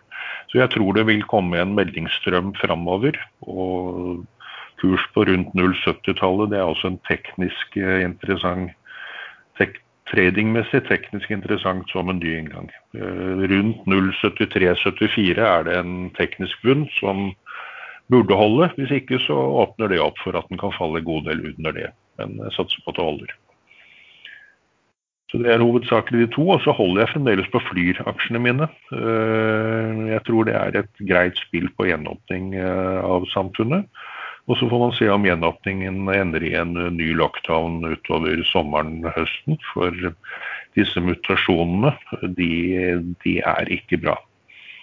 Vi fikk et spørsmål i, i, i aksjesladderkanalen vår om, om da korona fremover. Og da var det en som skrev at Afrika nå er redde for å få den indiske varianten, og det skal det faktisk være. I Sør-Afrika så er det veldig mange indere. Av en eller annen grunn så har indere valgt Sør-Afrika som sitt andre hjemland. Men det siste jeg leste i går var at den indiske varianten faktisk er en variant av den tidligere sørafrikanske, så hvor mye verre det kan bli for Sør-Afrika eller andre land i Afrika, det vet jeg ikke ennå. Men de har null kontroll i India akkurat nå. De har begynt med lockdown igjen, og de har stoppet vaksineeksport for å vaksinere sin egen befolkning. Men det ligger fremdeles på over 400 tilfeller om dagen. Og i dag eller i går kom vel en rapport om at de regner med at de reelle dødstallene i India er flere ganger høyere enn det som er offentlig. Selvfølgelig da også reell antall smittede. Så verden er ikke ferdig med korona.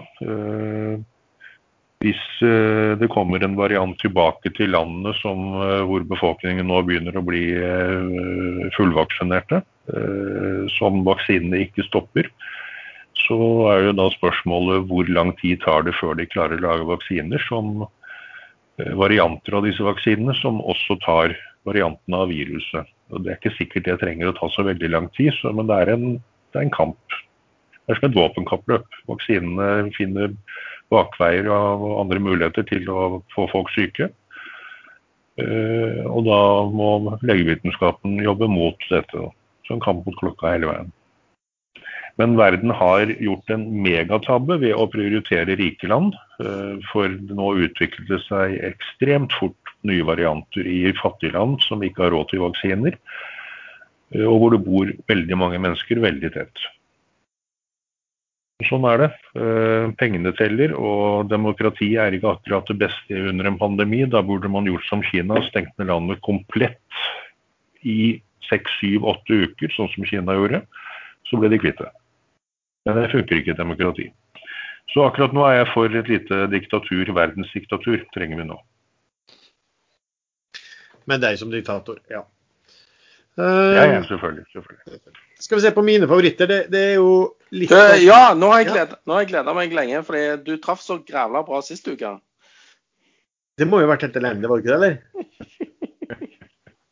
Var ikke det, var ikke det var det Arctic Bio eller noe, eller? Eh, og du husker ikke det? Nei, var det den, var det den og Argeo? Eh, Du hadde Arctic Biosciences sist. Ja, den Den har gått så, den har jo gått så i kula. ja, ned, det var ned 5-6% siden da, eller? Ja, i hvert fall. Han er 3 bare i dag.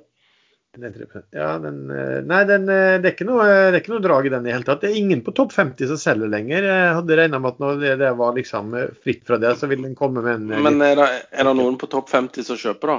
Ja, det er det faktisk litt, men, Oi. men veldig lite. Ja. Den har ikke vært noe bra i det hele tatt. Men um, jeg tror den kommer til å bli bra til slutt. Jeg skal, jeg skal, ikke, jeg skal ikke mope. Det var slemt av meg. det- det- det- Jeg, jeg beklager. Jo, det må være lov å mobbe. Nei, jeg syns ikke vi skal legge opp til en kultur eh, innad i panelet der vi skal mobbe hverandre. Det, det syns jeg vi skal holde oss for gode til. Nei, men også alle tid, Hvis man er litt like liker å framheve hva som har gått bra, så må man jo kunne si hva som har gått dårlig. Og, og om det er noe å lære av det. Er det noe å lære av den f.eks. hittil? Nei, det er en uke, da. Eh, Men det har ikke vært noe interesse for den. Det kan man, eh, det kan man si. Det kan fort snu på den type selskap også. Men hittil så, eh, så glir Sånn det. legemiddelgreier, det tar jo årevis før de skal få godkjent noe produkt og få lov å selge, vet du. Ja, da, jeg vet det. Men det er jo ikke bare legemidler. Det var jo mitt poenget mitt. er At de, de allerede er i gang med å selge eh, kostholdsprodukter også. Eh, Det høres ikke så sexy ut med noen sånn hundre millioner dollar gjennom fase tre før et legemiddel er i boks. Jo, jo, men ut, ut, men ut ifra den tankegangen så skal jo alle, alle som lager legemidler være i, i null eh, de, før de er ferdige. Og det er de jo ikke. Ja, det, det med Det skjer med stort sett 90% av dem. Men eh, PSI, eh, PCI eh, Nei, P, PC, PCIB er det det heter. PCI Biotech. Ja. Eh, de kom jo med en melding om ny partner, eh, og kursen falt. Så det er ikke så enkelt dette her i biotek. Nei, det, og det er jo det at hvis det er gode nyheter, da, så kan jo folk bruke altså Det er jo ofte det man blir litt, folk lurer litt på. Hvorfor faller kursen? Og Da kan det være at folk sitter og har ønske om å selge, og så kommer det litt volum inn på kjøp pga. nyhet, og da får de endelig anledning til å komme seg ut. Eh, Kanskje det som har skjedd der. det, er, det er én grunn, men det er også en eh, litt matematisk grunn her. De som kan regne, skjønner at eh, når man får inn en partner og skal utvikle et eh, nytt produkt eller en variant av et produkt, så må man bruke penger for å tjene penger. Og da ser man plutselig oi, eh, kan det komme en emisjon eh, i ikke så fjern framtid, og så selger man heller og venter på den.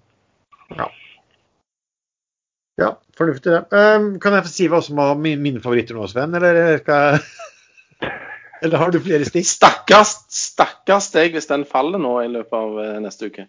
Gjør det sikkert. Uh, nei, en, en jeg plukka nå, er jo da um, eh, Panoro, som plukker litt i dag òg. Men jeg tviler på at jeg eier den på neste fredag. for å si sånn. Det er mer sånn at kommer det kanskje en liten overreaksjon på de nyhetene her.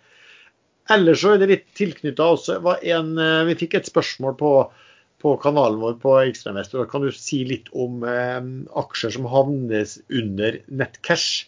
Og, og det er kanskje litt feil å ta opp de her altså på en måte som, eh, som uh, ukens favoritter, men jeg er litt glad i de som prises under og til cash, som om de ikke skal klare å oppnå noen god avkastning på pengene sine. Uh, fordi at kanskje det området deres er litt out of favor. Og Vi har jo snakket om disse rasaksjene før. Eh, Proximar fortsetter jo å være priset eh, under nettcash, har sklidd litt. Rann.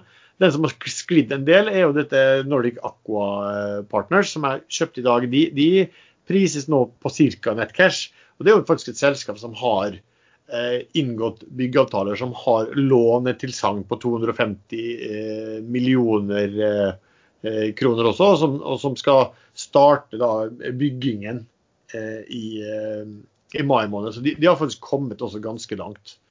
Eh, ellers så sitter jeg også og holder på MPC Energy Solutions. Um, som jo bygger ut vindkraft, solkraft og alt det der. De prises jo også under nettcash nå. Men så er det jo at de som da priser under nettcash, det er jo penger som skal gå ut, da.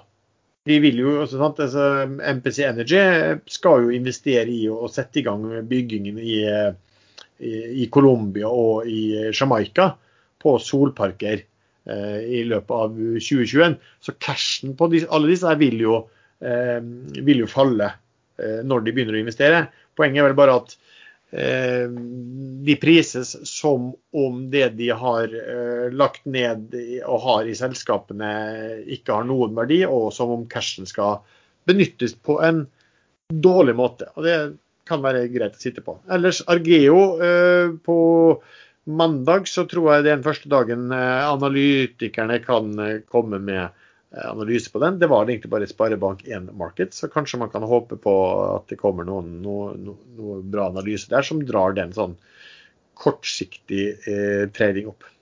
Det var egentlig greit du begynte å snakke om den MPC Energy Solution, MPC ES. For jeg kom på nå at jeg har jo kjøpt 5000 aksjer der tidligere i dag på 33,5. Eh, og nå var den 34,90. Nei, 33,70. Ja, OK. Jeg hadde glemt ut at jeg, jeg, Nei, men jeg må selge dem før uh, dette programmet går på lufta. Fordi at uh, jeg regner med at Lars fortsetter suksessen. Så det er best å komme seg ut før, før folk hører om dette. Øksa kommer. ja. Hva var det du nettopp sa med mobbingen, Sven? Uh, nei, dette var ikke mobbing, dette var vel egentlig bare fakta.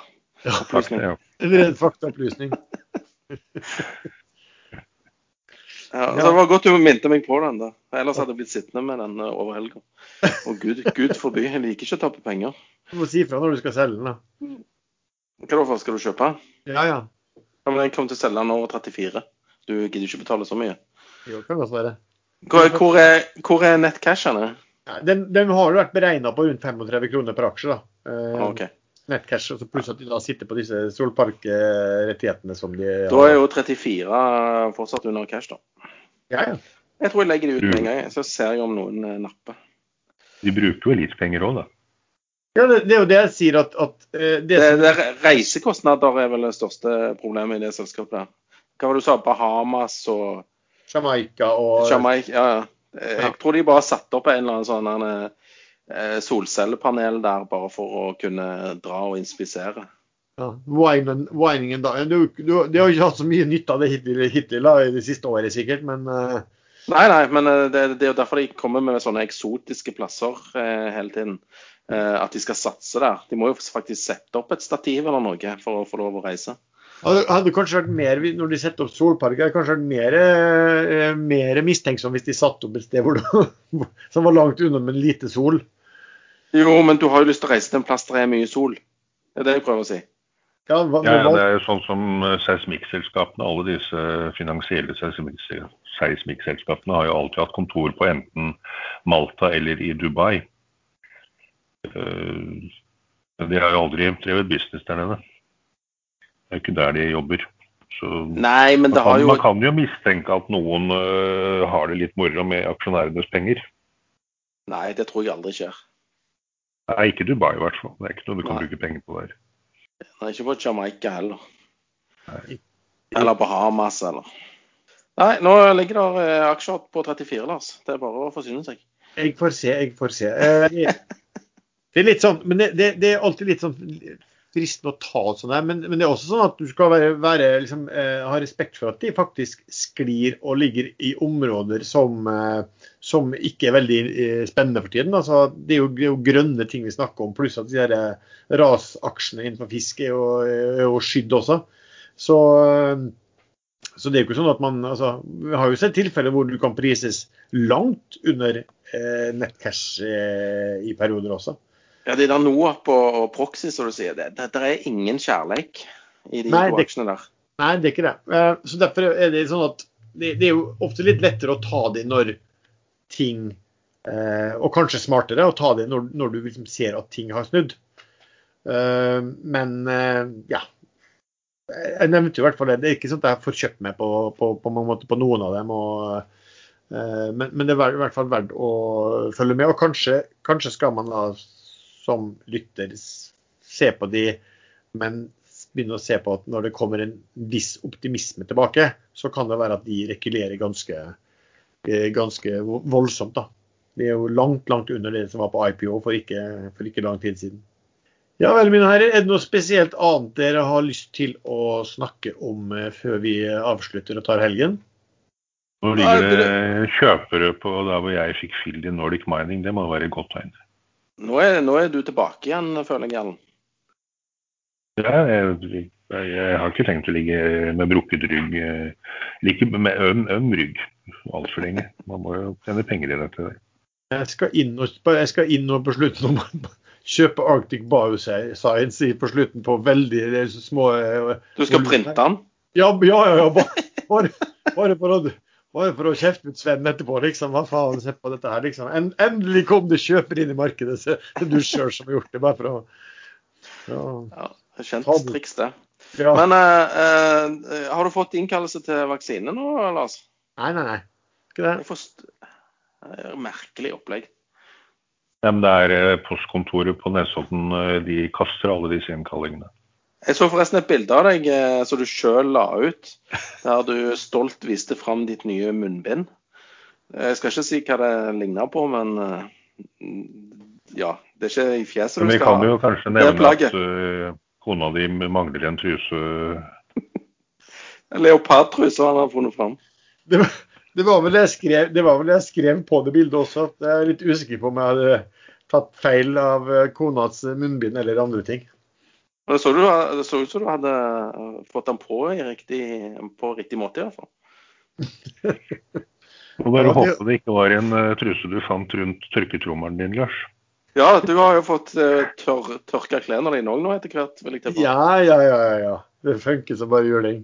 Uten at det var det Erlend tenkte på, kanskje, om tørketrommelen funka. Nei, han trengte litt mer skitten, tror jeg. Da tror jeg vi sier takk for uh, denne episoden. Takk til dere som uh, lytter. Hvis dere vil treffe oss, så er vi inne på Ekstrainvestor sin chat. det ligger lenke til det i beskrivelsen til episoden. Der er det også en egen dedikert kanal som er som tilegnet Aksjesladder. Vi har også en gruppe på Facebook som heter podkasten Aksjesladder, som jeg tror jeg ikke har fulgt med, men det er vel over 4000 medlemmer i den også. God helg, og så høres vi.